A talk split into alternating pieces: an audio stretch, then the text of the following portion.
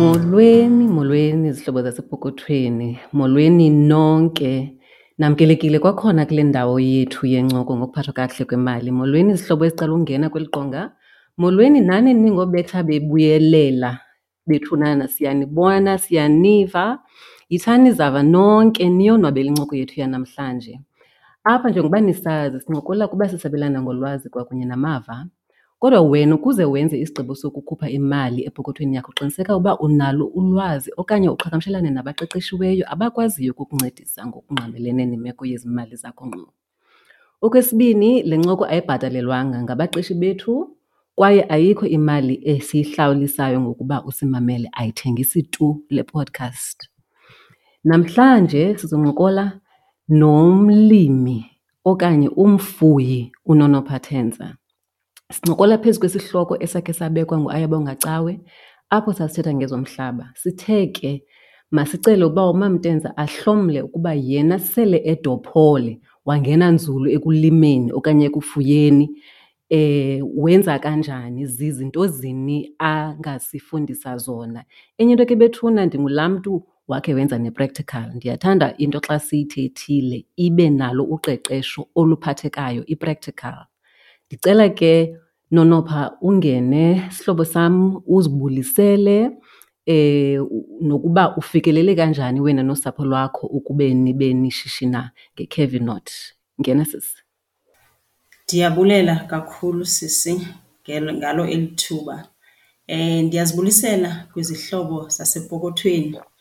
Kuluvuyo kum ukuba ndibe ndikunye nani namhlanje ndizoncokola ngako konke esikwenzayo kweli shishini lethu esilibiza iCavinot.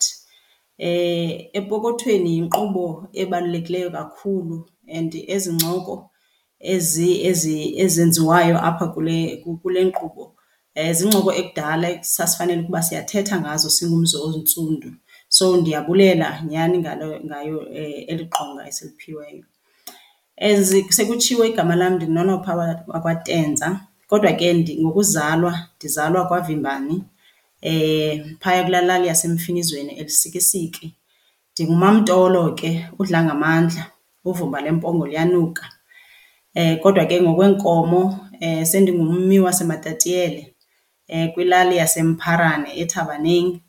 Ndabonwa phaa yinsizwa yakwaTenza, ooFakade, ooTshezi, ooMkhonto Bomvu.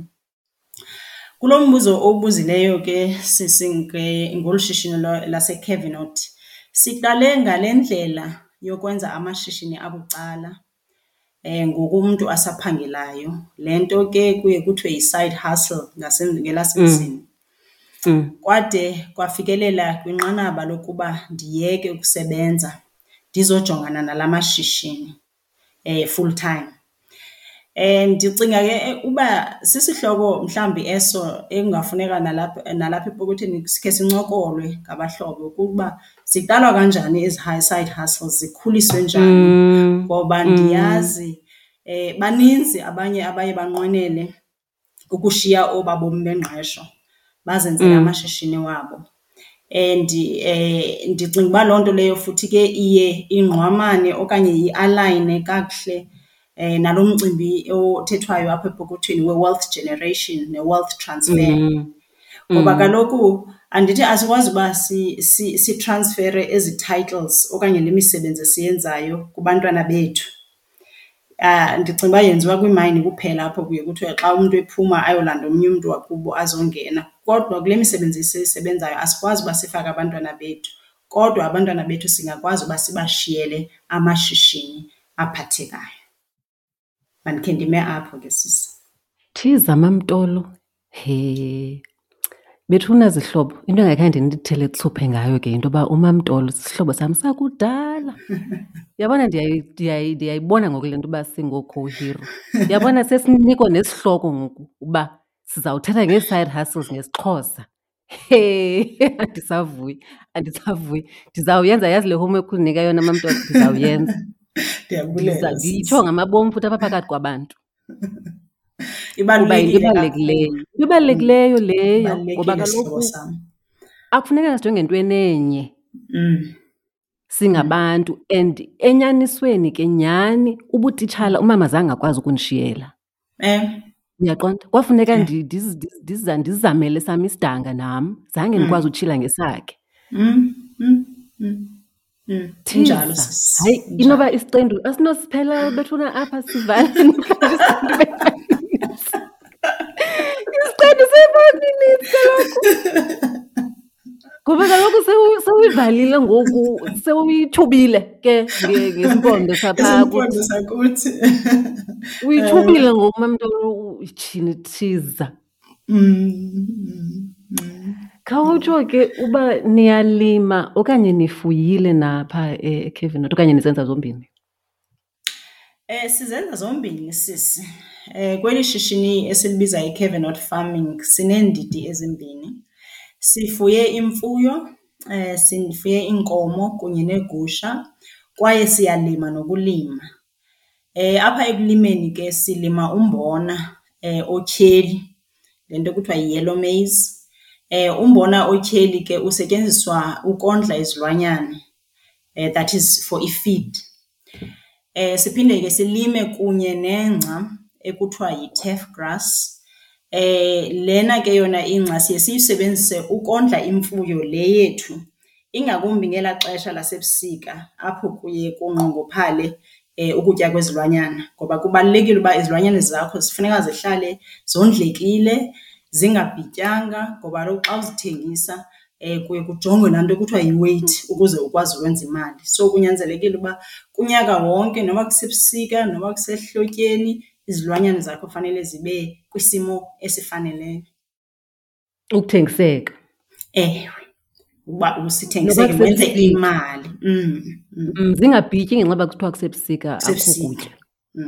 Mm, mm. Ngoba uzokwenza imali, andithi kaloku senza le nto so that senze imali, nantsi into ebalulekileyo. Jongani ke zihlobo, nantsi ndizamane ndinithela tsuphe. Lo utolokazi lo unezidanga ezi- nje sentsho uba ezinye zisuka ngapha ngapha overseas. Yabona ke yile nto kuthiwa imfundo umntu ngoba akafuni uthenga ahambe ayothenga ukutya kwemfuyo komnye umntu. Eyakhe imfuyo itya kwalapha ndi- uyichanile sisi injalo. Laa nto kuthiwa yi-value chain. Uzama uba u- ube involved kwi- kwi-value chain eninzi, ungamane ukhupha imali for le nale. Okwaziyo uzenza zenze kwalapha. Futhi xa Mamela ndi- ke xa wena. ndongeza, Mm, sorry, mm, xa mm, ndongeza okay, kule nto ewe e- esithetha ngayo, ifana nokuba abanye abantu abayazi ukubaluleka kokulima umbona xa ufuyile. Ngoba okwa xa ugqiba uvuna, in- izilwanyana zakho ziye zingene andithi ziyotya la madiza. Abanye Mm. abantu abayi-understand uba kanti that's also part of the value chain. Laa feed oye uyifumane xa ugqiba uvuna ibalulekile for izilwanyana. Uyayibala as indlela owondla ngayo izilwanyana kwiprogram yakho. Mamela ke wena mntu omameleyo oshishinayo noba ishishini lakho alikakhuli kakhulu lilingane noCavenot. Cinga nawe uba kweli tsheyina lezinto ozisebenzisayo xa uthengisa, wena ungabanga ziphi na izinto kweli tsheyina, ungabi sekugqibeleni kuphela. Mm, Ndizayibeka apho nje sibeke ingca nootolokazi sigqodi sigqithe. mm, Eh, utolokazi bekhe wasebenza kwenye yeebhanki ezinkulu zalapha eMzantsi.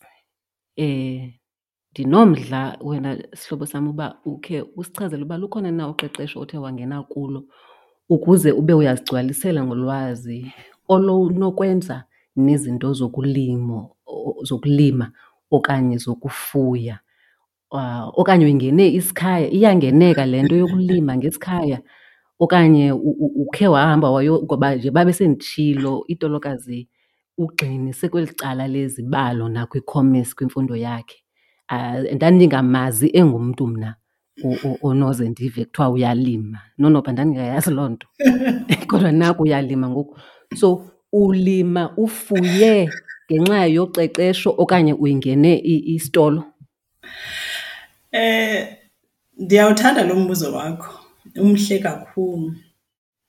Ewe, as utshilo bendingumntu osebenza ebhankini eh, kwaye ndifundele umcimbi wezimali. Leyo mfundo leyo wena mhlobo wam kunye eh, ne-experience iyandinceda kakhulu ekubeni sikwazi ukuphatha izimali zeshishini kakuhle. Senze ishishini elenza imali, le nto kuthiwa yi-commercial enterprise. Ngoba iye isichane apho singabantu abamnyama, ufumanise uba siyafuya nje kodwa asinayo laa nto ithi mayibe yi-commercial enterprise.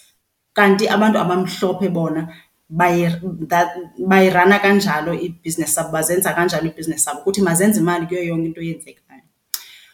Ukuza kulo mbuzo wakho ke wemfundo, andingenanga isikolo le nto ekuthiwa yi-formal education. Ndingumntu okhulele ezilalini. Sikhule kulinywa, kufuyiwe noxa ethe smaller scale ngelasemzini. Kodwa ke loo nto iyanceda ukuba ukwazi ukuandastenda iinto zolimo neento zemfuyo. Iyandinceda kakhulu ke olo lwazi kule nto esiyenzayo ngoku. Kukhona ke i-reading material eninzi efumanekayo, ii-short courses zininzi ziyafumaneka, oo-two day, one day, three days that umntu angazenza. Ii-magazines ezininzi ezine-information okanye ezinolwazi lokuba ngumfama ezifana neeFarmer's Weekly. Iyahlekisa ngoba utatomkhulu wam wayethanda kakhulu imfuyo, sikhule ehlala ethenga le magazini ekuthiwa yiFarmer's Weekly ngelo xesha. Nathi noNoba. Ndandingayihoyi ngelo xesha. Kodwa ngoku ndingakuxelela sihlobo sam ukuba veki neveki iFarmer's Weekly ingumhlobo wam, ndiyayifunda. Zininzi ke neenkqubo eziphuhlisa amafama. Amafama esimelene nawo ayanikeza kakuhle njengolwazi. Plus enye into ebalulekileyo yile nto kuthiwa yi-mentoring ngesiNgesi. Uziyamanise namafama aseyiphuhlile, namafama amhlophe. Thina sinamafama amabini amhlophe esisebenzisana kakhulu nawo. Asinceda kakhulu ngolwazi nje phambi koba siqale ukhona nje njengoba ifama yethu iphaa eMatatiyeli, ukhona nje ophaa eKokstad esaya kuye utata nje osemdala oyile nto kuthiwa yi-third generation farmer. Sazithoba nje kuye safumanisa uba uvula iingcango zakhe zonke, usipha yonke iinkcukacha esizidingayo. Uyaya ibe nguye oyayo naphaa kwifama ukuthi asibonise izinto zenziwa kanjani xa sizolima, xa sigqiba ukulima. So imfundo eninzi siyayifumana kwaba bantu abenze i-practical kule nto yokulima. Ngoba kaloku xa uyingena isikhaya, mhlobo wam, uzolahlekelwa yimali, uncame uthi akukho mali. Kanti ikhona imali apha kulimo if izinto zenziwa ngendlela. Yile nto abantu abamhlophe basahleli kule mihlaba bangagungqi. Tiza wam, andiyazi uba ndizawuyithini le nto yakho ubona nje MaMtolo kuba kaloku uyayivala i-episode, zonke iinto ozithethayo ibe ngathi singavele siyivale siyivale isiqendu sithi hayi sigqibile ngoku, sawubona nexesha elilandelayo. Yhe bethuna, ndingekawugqitheli komnye umbuzo, iyandikhuba Nonopha into yobana sobabini sibe sasinootatomkhulu ababekufunda iFarmer's Weekly. Kodwa phaa ekhaya ndingakuxelela into yobana iFarmer's Weekly, iReader's Digest, ii-Time guys, utatomkhulu wayethenga ii-Time zazibuna phaa egaraji, ooFaith for Daily Living. Zazibuna zingunde phaa egaraji. Andiyazi noba ke mhlawumbi ndizawuthi sithi phaa ekhaya mhlawumbi esingathathelanga ngqalelo okanye kunjalo nakwezinye iifemeli. Kodwa sizawuba ngoomakhulu nootatomkhulu nathi ngezinye imini Makhe sizifune into yokubana thina into esizaziyo, iinto esixele ngakuzo, sizishiya kanjani na ngendlela efikelelekayo sizishiyela abantwana bethu, abatshana bethu. Ngoba kaloku naku ngoku sishiyekile. Nonopha uya kumfana, kumfama waseKokstad, ewe uzivulile izandla zakhe nentliziyo yakhe. Kodwa ukuba singabantu abantsundu besinendlela zokuqhubekekisa ulwazi, olu lwaphaa eLusikisiki, olu katatomkhulu wakho, kube yinto le usapho nosapho naphaa ekhaya ibe yinto esiyenza siyithathe ingqalelo deliberately ngesilungu ukubana jonga akukho lwazi luzawulahleka apha. Ewe kulungile ukusebenzisana nabanye abantu, andiyixhayi into yokuba nee-mentors mhlawumbi ezimhlophe. Nam kuhambo lwam ekuqeqesheni ekuxelengeni abantu abakhe bandinceda kakhulu. Bakhona abamhlophe, andizuyiphika loo nto. Nanamhlanje abanye basandinceda. Kodwa ndifuna nje ukubana ndihlabe eli khwelo kuthi singumzontsundu into yokubana izinto esizaziyo masiyeke ukuzeya, masiyeke ukuzijongela phantsi, masabelane ngazo siqale apha ezindlini. Khe kucinywe ezi tivi, kuthathwe nezi iPad, abantwana baphethe phithi zizo. Nyhani bethunana, ngoba kaloku naku ngoku sobabini kwakukhona iReader's Digest, kwakukhona iFarmer's Weekly, kodwa kungoku ngoku sesigqithe nakuFourty Yeah. apho kukona siyithathela ingqalelo le nto. Unyanisile, unyanisile. Ubukhe wathatha kwelinye ijelo ke ngendlela ekunzima ngayo ukufumana imali mhlawumbi yokwezinto ezifana nokubiya eh nokwenza izinto ezikhulisa into endingathi i-infrastructure, iinkonzo ezipha efameni yethu, efameni yenu. Jonga nam ndiyazifaka. Ewe, iyeza iyeza. Fanele izile. um khawusibalisele mhlawumbi ngehambo yenu kweli cala lezimali ukuba kube nzima kanjani na, ngoba ayabonga naye beke wachatha kule nto yokuba heyi kuba kwezinye iindawo zemihlaba urhulumente engazikhuphi ii-title deed okanye kunzima. Nasezilalini ufumanise uba kwenye ilali ikhona i-title deed system kwenye ayikho, so isengumhlaba okwi-tribal land. Yinto leyo enokwenza uthintelo xa abantu becinga ngokuboleka imali ezibhankini. Khawusibalisele nje ukuba nina olwenu uhambo luye laqhuba kanjani.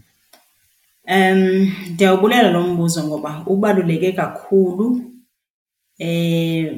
and xa ndiwuphendula ndifuna ukuze ndikwazi ukukhuthaza abantu uba le nto ekuthiwa zii-challenges akuyonto efanele uba sivele sixhome ibhatyi sithi ngeke sibe saqhubeka akukho nto esizawuyenza.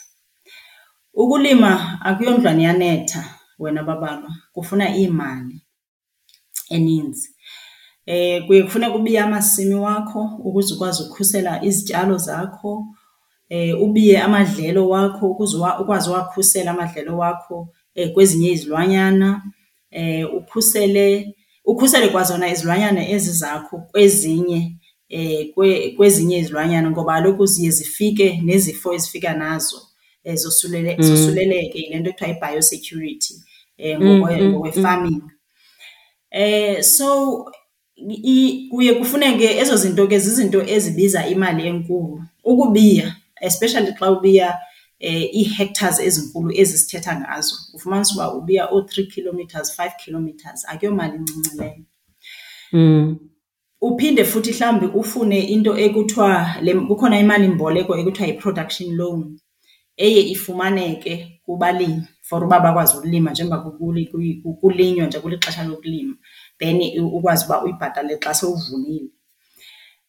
Ezi zinto ke, ukufumana imali for ezi zinto kuye kufune amaphepha athile and nanjengamntu obekhe wasebenza ebhankini ndisenza kanye lo msebenzi lo wokubolekisa imali, ndiyayazi ukuba yintoni eye ifuneke ukuze kubolekiswe imali. Kwelaa, kwelaa cala silima kulo ke ingxaki esinayo ziifama ezi ezaziqeshwe ngurhulumente.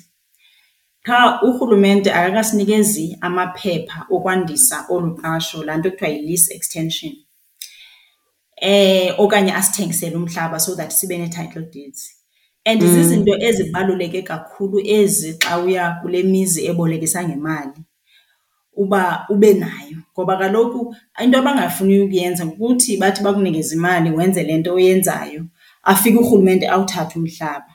So bafuna laa nto kuthiwa yi-security yokuba imali yabo bazokwazi uba bayifumane.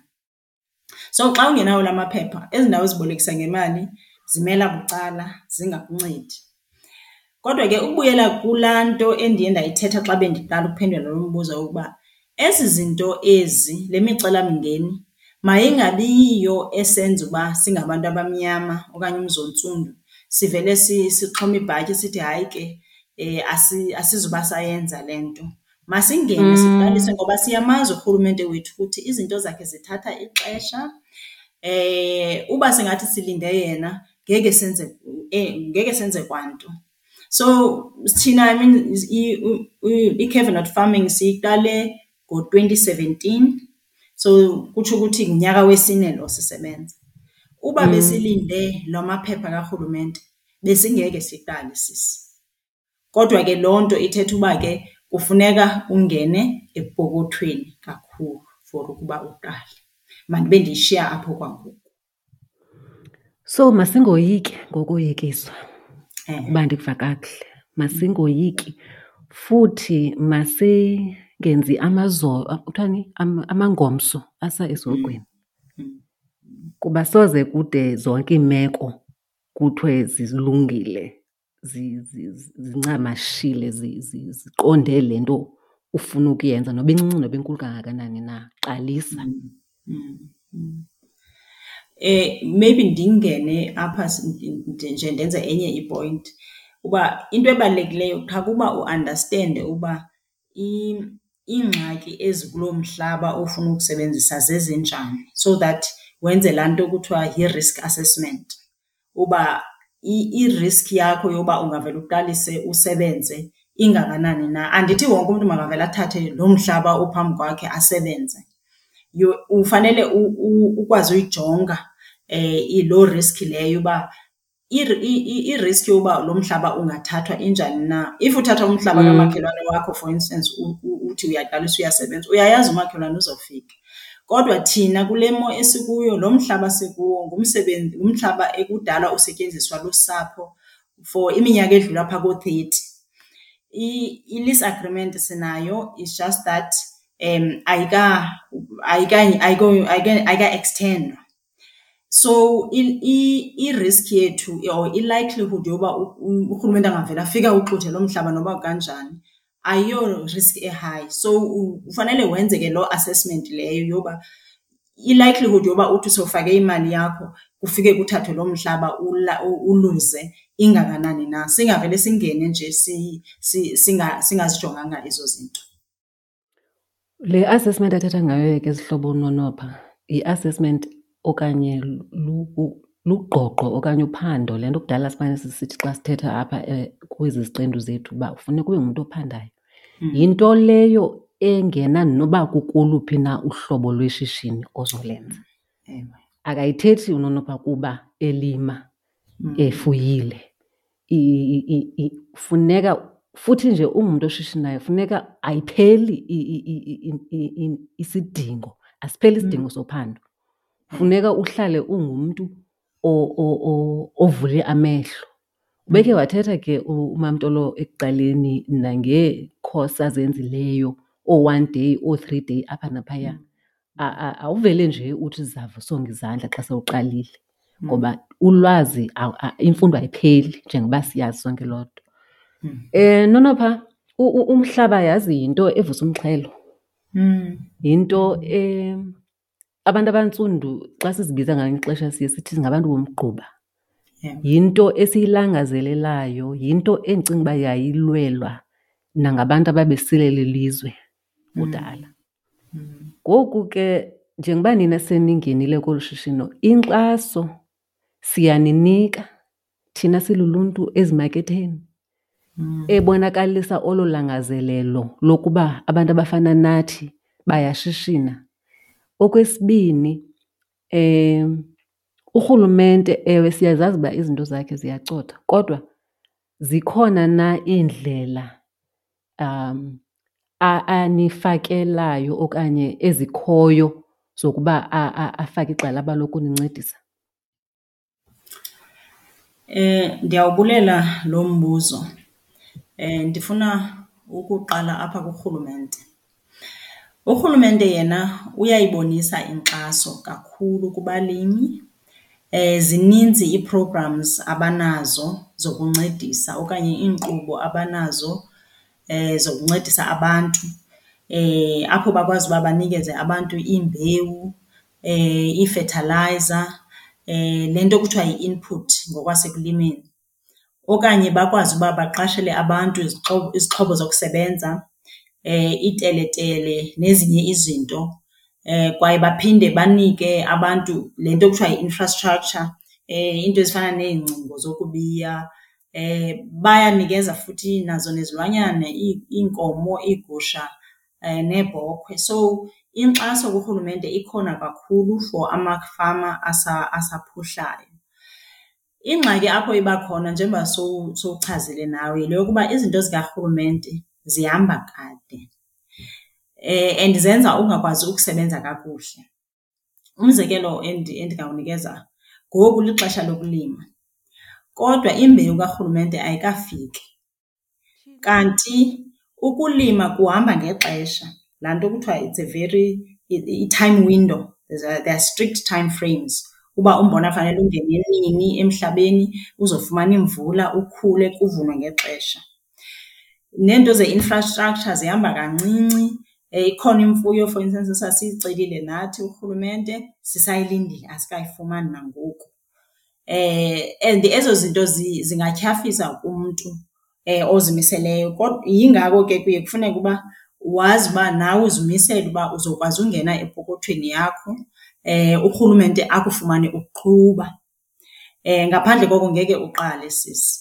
Enye into for instance esiye siyenze ngoku singamafama kukuthi, yabona njengoba sesiqalile nje siyalima ngoku lixesha lokulima sizithengile zonke izinto ezidingekayo, ezikarhulumente xa zifika sizofika ke sizibeke bucala sizawusebenza kunyaka ozayo. So ke kufuneka ube nazo nezo plans ezinjalo nezo strategies ezinjalo. Ukuza kwabanye abalimi bayazivula kakhulu izandla kwaye ke nabantu abaxhasayo kwezi zinto esizithengisayo inkxaso ikhona kakhulu.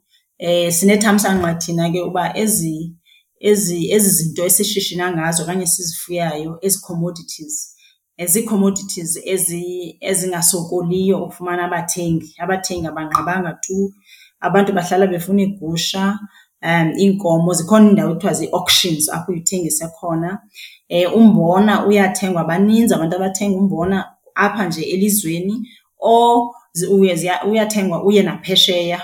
Umbona for instance kule minyaka emibini edlulileyo umbona ebesiwulima uyahamba uye phesheya kulaa mazwe akooChina kanje ase-East. So ke Mawuye ubona basematatiyele bethunana eChina, mawukhe uye siye kusoloko sisitya iinto zabo bona bengazityi ezethu. Yeah, yeah, yeah. Ukukhuthaza ke I mean abantu abathengayo ezi zinto baninzi. Ukutya kwakuhlala kufuneka babalwa.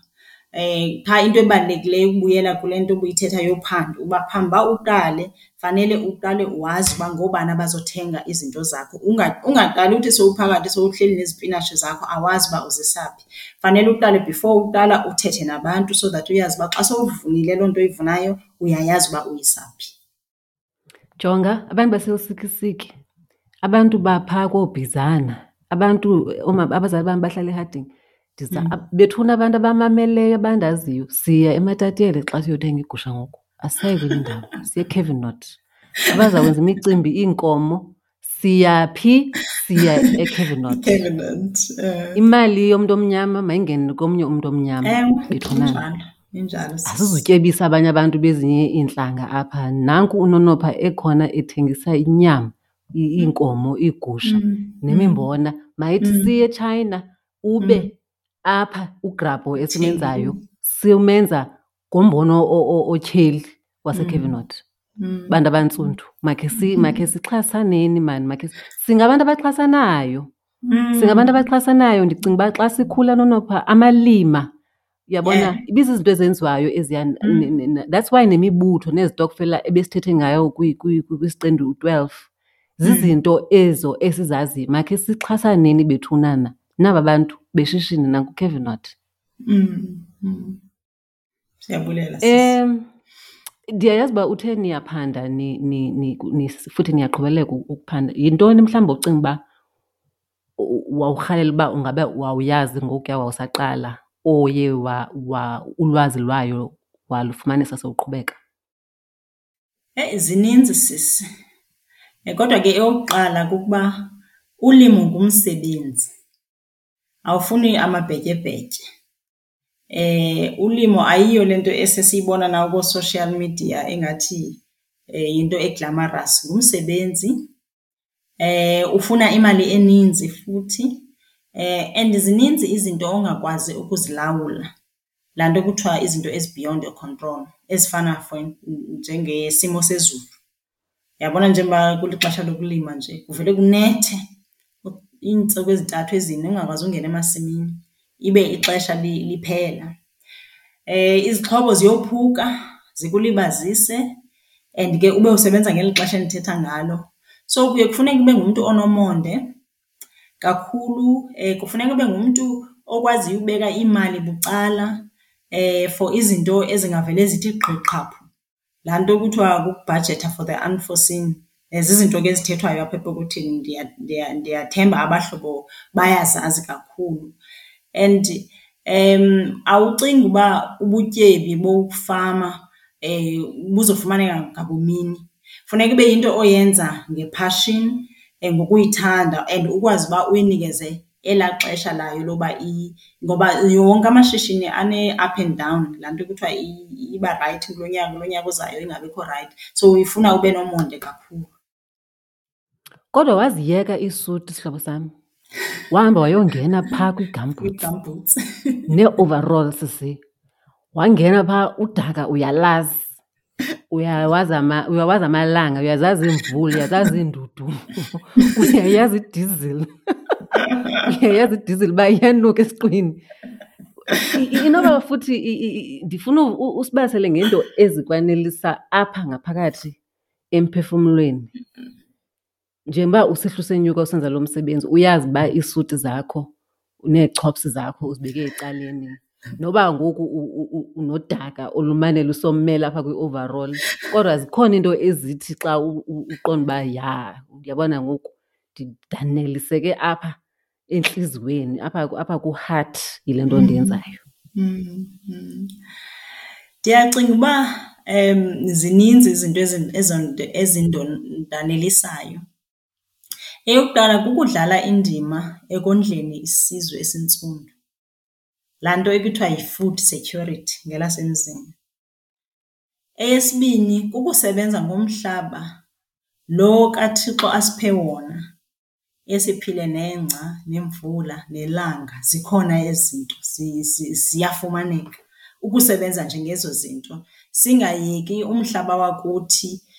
Ndikhe ndikuve kwezinye iziqendu uthetha ngoba umhlaba unamadonga, zizikhukhula. Singayeki umhlaba wakuthi uhlale nje ungasetyenziswa.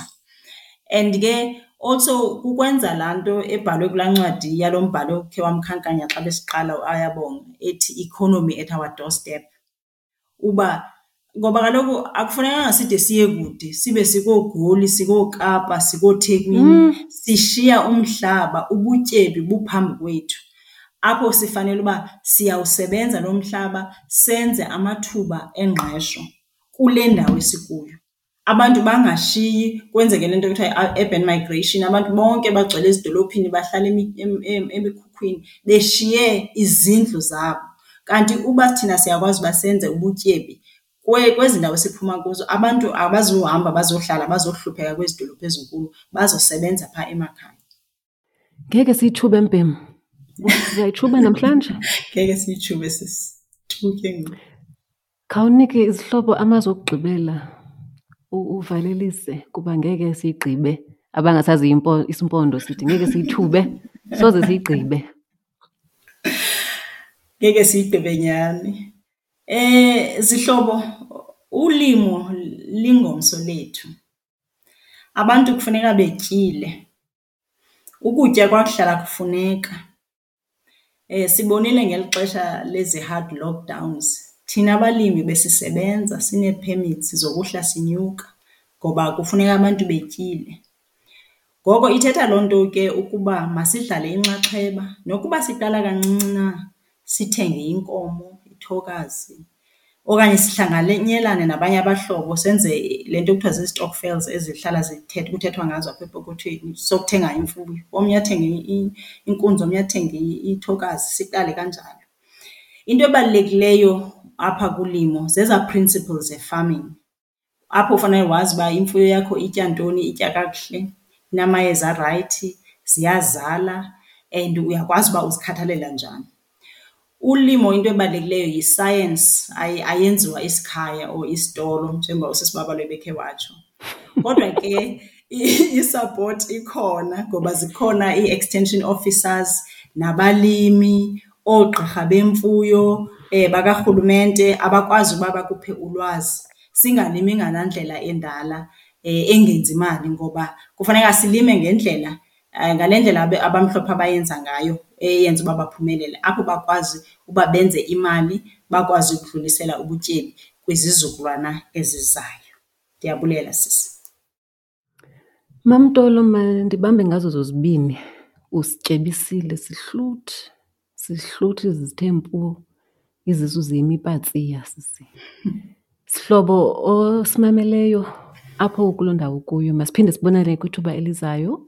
Nisindwendwele bethuna kumacici ethu akwi-social media, nisibhalele nakwiWhatsApp. Abanye benu ndiyayazi uba abamthanda uFacebook noInstagram noTwitter kodwa ke uba uyasibhalela kuWhatsApp oh seven two six five zero seven six four one siza kufaka kwigruphu yethu apho sipapasha khona iziqendu. Siya kuthumela isiqendu sishushu sigqibophakwa sikuthumele ngalaa WhatsApp group. Masibonane ngethuba elizayo bethunana, enkosi.